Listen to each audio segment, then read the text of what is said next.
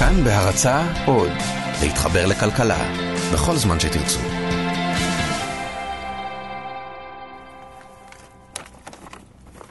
מצאתי פה איזושהי פרצה בגדר שאני יכול להיכנס דרכה. אנחנו נעבור פה. אה, אוקיי. עכשיו אני בפנים. זה אני ביום חמישי האחרון מסתובב במה שנראה כמו סים סיטי בהתחלה של המשחק, רק בגדרה. אוקיי, זה כאילו נורא מוזר. אני מסתובב במה שיהיה שכונה עתידית די גדולה, וכאילו, יש פה רחובות, אפילו עם תמרורים וכבר סימונים על הרצפה, פשוט אין, אין את השכונה עצמה. יש אפילו הכנה לכאלה ארונות תקשורת של בזק, רק שאין את השכונה. זה מאוד, תחושה מאוד משונה. הסיבה שהגעתי לגדרה היא שאולי אני אגור שם יום אחד. פשוט לפני שלושה שבועות זכיתי בהגרלת uh, מחיר למשתכן בגדרה. זו לא הייתה סתם הגרלה, זו הייתה ההגרלה הגדולה. הקדמנו את תוצאות ההגרלה, התחילו לקבל אס.אם.אסים עם התוצאות של הזכייה. אני, כשר האוצר, לא יכולתי לעמוד מנגד ולראות את מחירי הדיור משתוללים. קשה היה לפספס בחודשים האחרונים את עניין ההגרלה הגדולה, בטח אם אתם מתעניינים בנדל"ן. הגרלה של 15,000 דירות בבת אחת, ביישובים שונים ברחבי ישראל, במסגרת פרויקט הדגל של שר האוצר. מחיר למשתכן. שר האוצר משה כחלון דיבר על זה בערך בכל הזדמנות אפשרית שיש. בכל שבוע משרד האוצר עדכן כמה נרשמים חדשים נרשמו, כחלון עשה על זה לייב פייסבוק יותר מפעם אחת, שודרו כתבות במהדורות, השבוע יצא עוד נגלה של 12,000 דירות, זה all over the place. אז בקיצור, איכשהו הצלחתי לזכות בהגרלה הזו. בדירה, בגדרה. תגיד, מה יש לך נגד גדרה? אתה יודע שזו מושבה שהוקמה על ידי הבילואים ב-1884. אתה יודע שהיא מוזכרת עוד בתנ"ך, בדברי הימים א', ד', כ"ג, שהיא בנויה על פני שבע גבעות אשר מתנשאות לגובה של כ-80 מטר מעל פני הים, שגרים בה 26 אלף איש, שהערים התאומות שלהן ולנס בצרפת ורומן ברומניה. א', לדעתי המצאת את רומן ברומניה, אבל חוץ מזה, למה את מניחה שיש לי משהו נגד גדרה? אין לי שום דבר נגד גדרה, פשוט אין לי שום דבר בעד גדרה. אין לי משפחה שם, אין לי חברים שם, אני לא עובד שם, לא עובד באזור. אני חושב שהייתי שם פעמיים בכל החיים. זה פשוט מקום שבחיים לא תכננתי לגור בו ואין לי שום מידע לגביו. לכן זה כל כך מוזר. בוא נגיד שלולא מחיר למשתכן, סיכוי קלוש שהייתי שוקל לעבור לגדרה. אז מה אתה מתכוון לעשות עכשיו?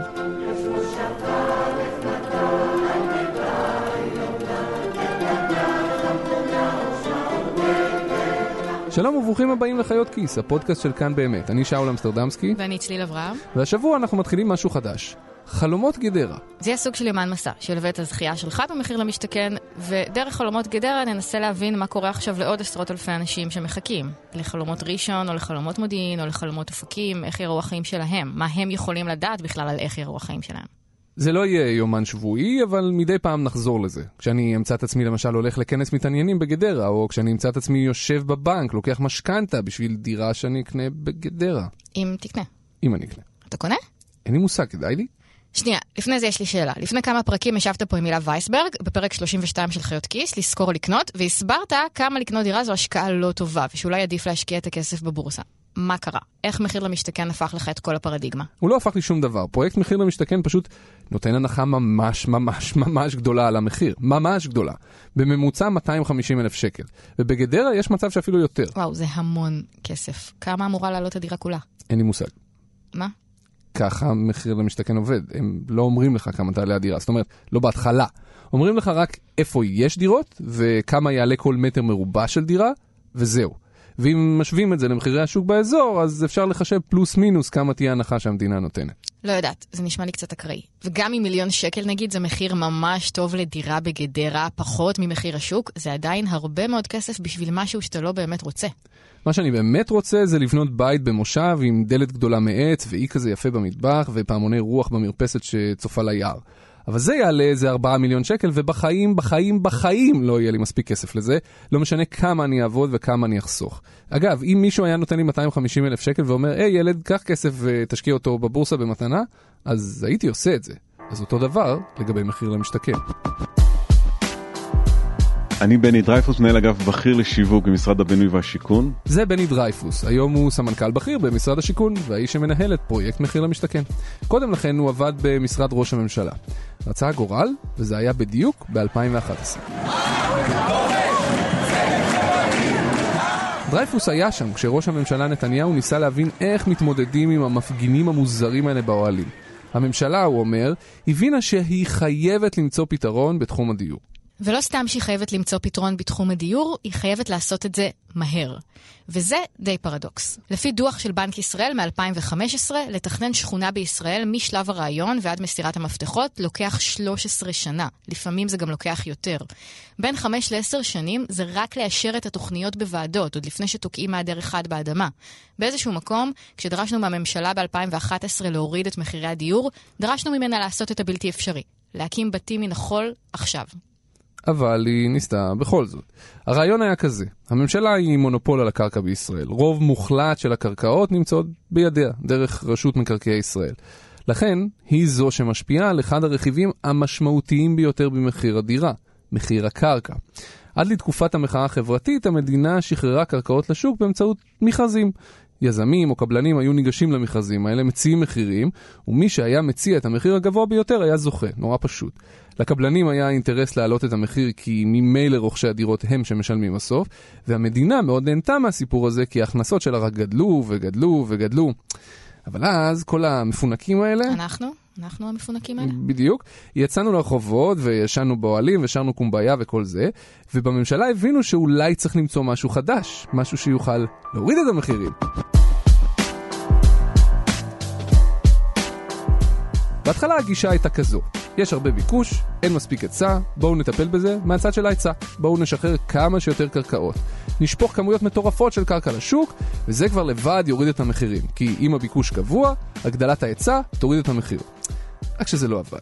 זה לא עבד בין היתר בגלל שהממשלה התחילה להסתבך בתוך הרגליים של עצמה. בהתחלה היו שר האוצר יובל שטייניץ, שהבטיח פטיש של חמישה קילו לדיור, מה שזה לא אומר, ומולו השר אריאל אטיאס מש"ס, שרצה לתת קריטריונים לזכאות לדירה לזוגות שהתחתנו מוקדם ויש להם מלא ילדים, בניגוד להמלצות ועדת טרכטנברג, שדיברו על זוגות צעירים שמיצו את כושר ההשתכרות שלהם.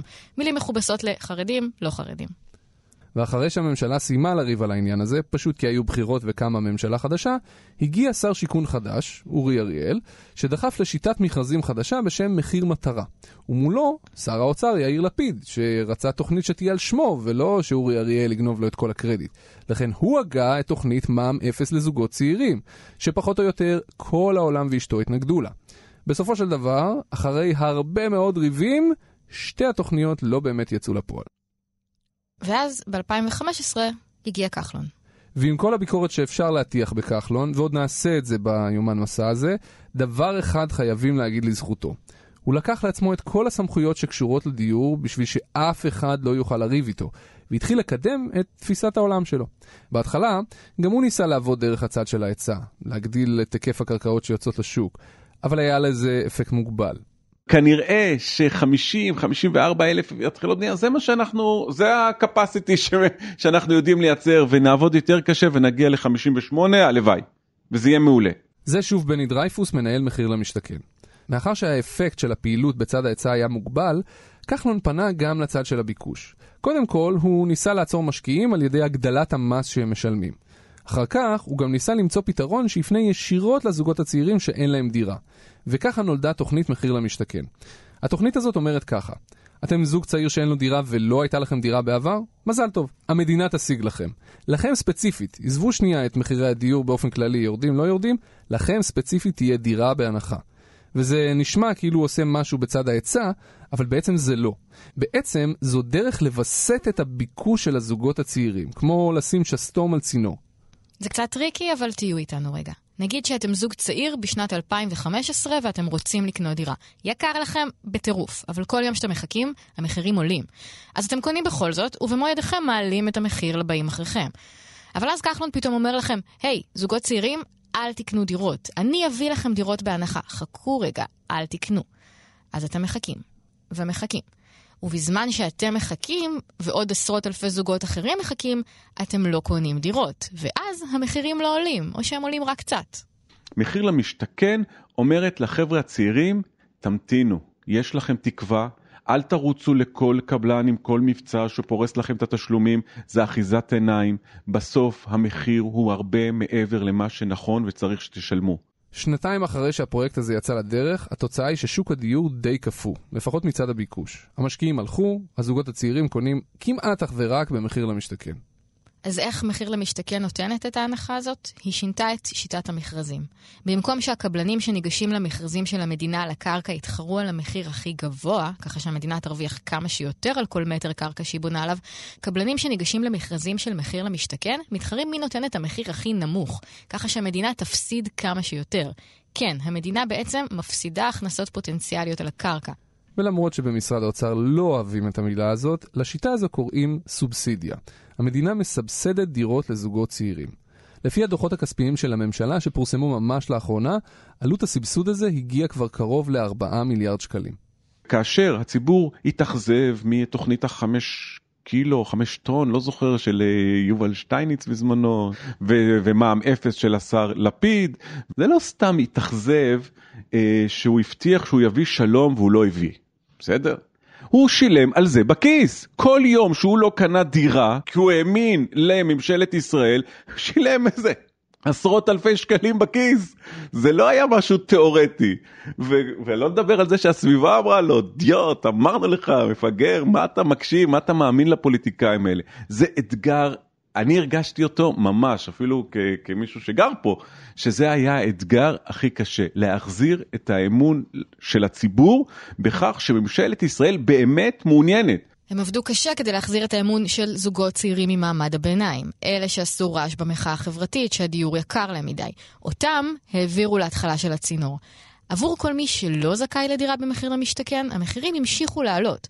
אבל הם לא יודעים לעשות רעש, ומי שיודע לעשות רעש כבר לא מתעניין בזה. האמת שבני דרייפוס אומר דבר מאוד מאוד דומה. לשיטתו, מחיר למשתכן היא תולדה ישירה של המחאה החברתית. זה פשוט לקח לזה זמן להבשיל, אבל זה מה שזה. יותר מזה, הוא אמר לי מיד אחרי שסיימנו את ההקלטה, שים לב שזה פרויקט שהמדינה שופכת בו מיליארדים על עשירונים 8, 9, 10, ולמרות זאת, זה עובר חלק מבחינה ציבורית. נראה לך שאפשר היה לעשות דבר כזה לולא העובדה שמי שיצאו לרחובות במחאה החברתית וביקשו דירה היו עשירונים 8, 9, 10?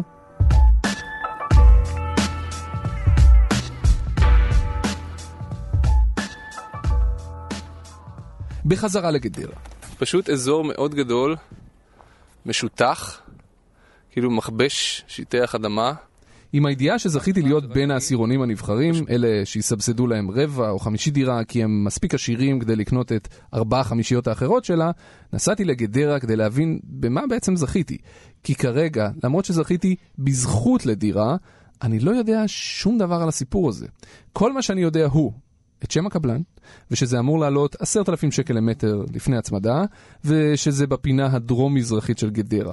אני לא יודע כמה קומות יהיו בכל בניין, כמה דירות של ארבעה או שלושה או חמישה חדרים יהיו, איך הן ייראו, כמה שכנים יהיו לי, איפה יהיה בית הספר של הילדים שלי. בהתחלה זה לא היה ככה. בפרויקטים המוקדמים של מחיר למשתכן, ההגרלות נפתחו בשלב מאוחר, אחרי שהרשויות המקומיות כבר נתנו לקבלנים היתרי בנייה. מי שזכה אז, ידע כמה דירות יהיו בבניין, כמה שכנים יהיו בכל קומה, כמה דירות קטנות, כמה דירות גדולות, אפילו איפה תהיה החנייה שלו. אבל זה לקח מלא זמן, וזה לא הספיק. זוכרים? הממשלה רוצה שהזוגות הצעירים ישבו על הגדר, ולא יקנו דירות בשוק החופשי, ובשביל זה צריך להראות שהיא פועלת מהר. אז היא התחילה להגריל גם את כל הפרויקטים שעוד לא קיבלו היתר בנייה. ומה שזה אומר בפועל, זכית? אחלה. עכשיו תחכה.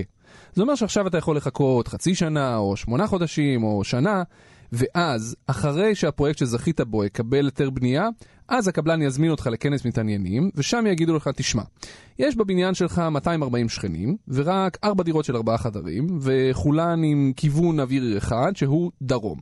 ברור, אתה יכול לבטל. אף אחד לא מכריח אותך לקנות את הדירה.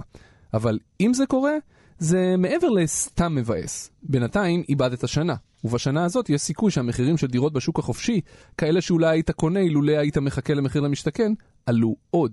זה לא טיעון תיאורטי, יש הרבה זוגות כאלה, שעד שהגיע התור שלהם לבחור דירה במחיר למשתכן, נותר להם לבחור בין לבטל, לבין לקנות דירה הרבה יותר גדולה ויקרה ממה שהם תכננו, כי זה מה שנשאר. בפרויקט בעתלית למשל, יש פנטהאוזים של שישה חדרים בשני מיליון שקל. בקריית ביאליק יש מעט דירות ארבעה חדרים קטנות וצפופות, ומלא דירות חמישה חדרים ענקיות. גם במודיעין זה ככה, גם בראשון לציון, גם במקומות נוספים. למה זה ככה? כי לשנות את זה היה לוקח עוד כמה שנים, ולממשלה פשוט לא היה זמן. אנחנו לא נערכנו מבחינה תכנונית שהדירות האלה יהיו גם בדיוק ה fine tuning של מה שהזוג הצעיר צריך. הזוג צעיר כנראה צריך שלושה שלושה וחצי חדרים הוא לא צריך להתחיל עם פנטהאוז בגדרה או ברעננה או בכל מקום אחר אבל אנחנו מכרנו את מה שיש לנו במדפים זה זה האמת אנחנו לא צריכים להתחבא מה... אז יש חלק מהם שמתאים ומי שזכה באמת במקומות טובים כנראה יצליח להתאים את עצמו לדבר הזה, ויש כאלה שיצטרכו לעשות אה, אה, שיקול לא פשוט. לקנות חמישה חדרים בתור זוג צעיר ולהיכנס לעוד איזושהי התחייבות של 200-300 אלף ש"ח או לוותר על התוכנית. אני לא שמח על ההתלבטות הזאת, אני גם לא מקנא בהם. זה באמת משהו שהוא לא פשוט. זה הקלה שהצלחנו לייצר בנסיבות שהיו לנו. האופציה השנייה, רק תבין, היא הייתה הרבה יותר אה, בעייתית. לעשות רה-תכנון לכל התוכניות, לחכות שנתיים, לייצר משהו שהוא הרבה יותר מתאים, עם מלחמות עם ראשי רשויות, עם הוועדות המקומיות.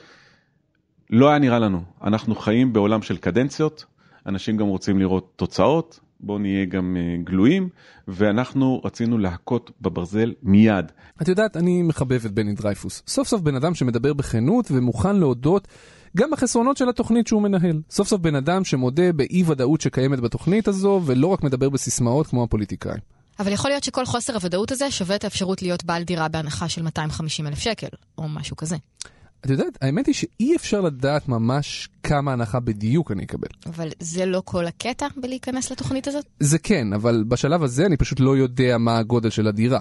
אם אני אקנה דירת ארבעה חדרים של 90 מטר, שעולה בשוק החופשי משהו כמו 1.6, 1.7 מיליון שקל, יוצא שהמדינה נתנה לי חתיכת מתנה של משהו כמו 600-800 אלף שקל. זה כשאנחנו מסתכלים על מחירי השוק החופשי ברחובות הסמוכים. אם מסתכלים על המחיר הממוצע למטר בכל גדרה, זה שכולל גם את החלקים היותר ותיקים שלה, יוצא שההנחה היא בסדר גודל של 450 אלף שקל. אגב, דרייפוס גילה לי שגובה ההנחה שאני אקבל יכול להשתנות בסוף גם בטווח של כמה מטרים, תלוי אם אני אהיה בקומה ראשונה או בקומה שביעית למשל, אם תהיה לי מרפסת או לא תהיה לי מרפסת. יכול להיות שהשכן שלי יקבל מתנה הרבה יותר גדולה ממני.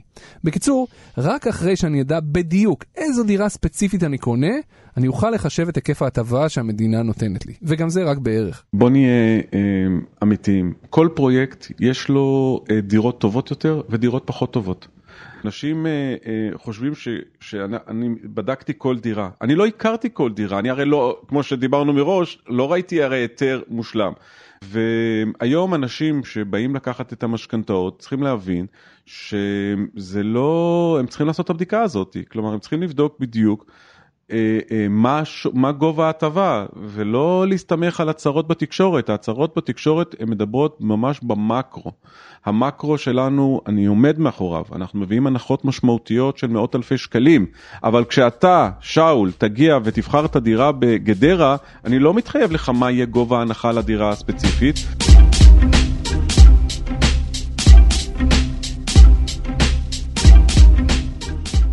בני דרייפוס אמר לי שבגלל שלקח הרבה מאוד זמן לקדם את מכרז מחיר למשתכן בגדרה, בינתיים הרשויות כבר השלימו את עבודות הפיתוח במקום. כלומר שברגע שהקבלן יקבל את היתר הבנייה, הוא יוכל להביא טרקטורים לשטח, כי כבר פרסו לו את תשתיות הביוב, והמים, והחשמל והכל.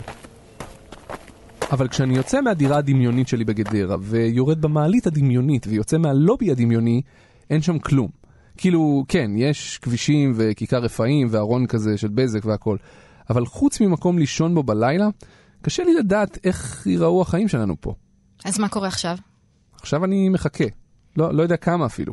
מתישהו הקבלן שלי אמור לקבל היתר בנייה מהרשות המקומית, ואז להזמין אותי לכנס מתעניינים עם, את יודעת, הדמיות יפות כאלה והכל, ואחרי שבועיים יקראו לי לפגישה של 45 דקות על השעון, ובה אני אצטרך להודיע סופית, האם אני לוקח את הדירה שמציעים לי או לא. בלי אפשרות להתחרט, בלי כלום.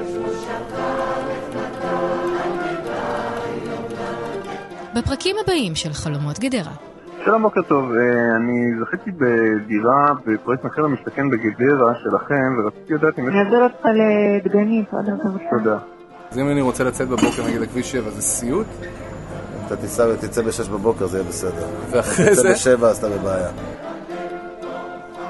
תודה רבה לרום אטיק, שלא זכה בדירה בגדרה, אבל זכה להפיק את התוכנית הזו. תודה רבה לאסף רפפורט, שזכה להיות טכנאי ההקלטה. כולם זוכים פה, את זוכה, אתה זוכה, כולם זוכים בחיות כיס. כל הפרקים שלנו אה, נמצאים אה, באתר כאן, כאן.org.il ובאפליקציות החביבות שלכם. ספרו לחברים שלכם שזכו במחיר למשתכן, שאנחנו יוצאים למסע חלומות גדרה. אם יש לכם אה, סיפורים מעניינים על הדירה המשונה שאתם זכיתם בה באופקים או בנתיבות או בכל מקום, כתבו לנו בפייסבוק או בטוויטר או באינסטגרם, אפשר לכתוב גם באינסטגרם. תודה רבה צליל אברהם, תודה רבה, שאול אמסטרמסקי. ותודה רבה לכם שהאזנתם.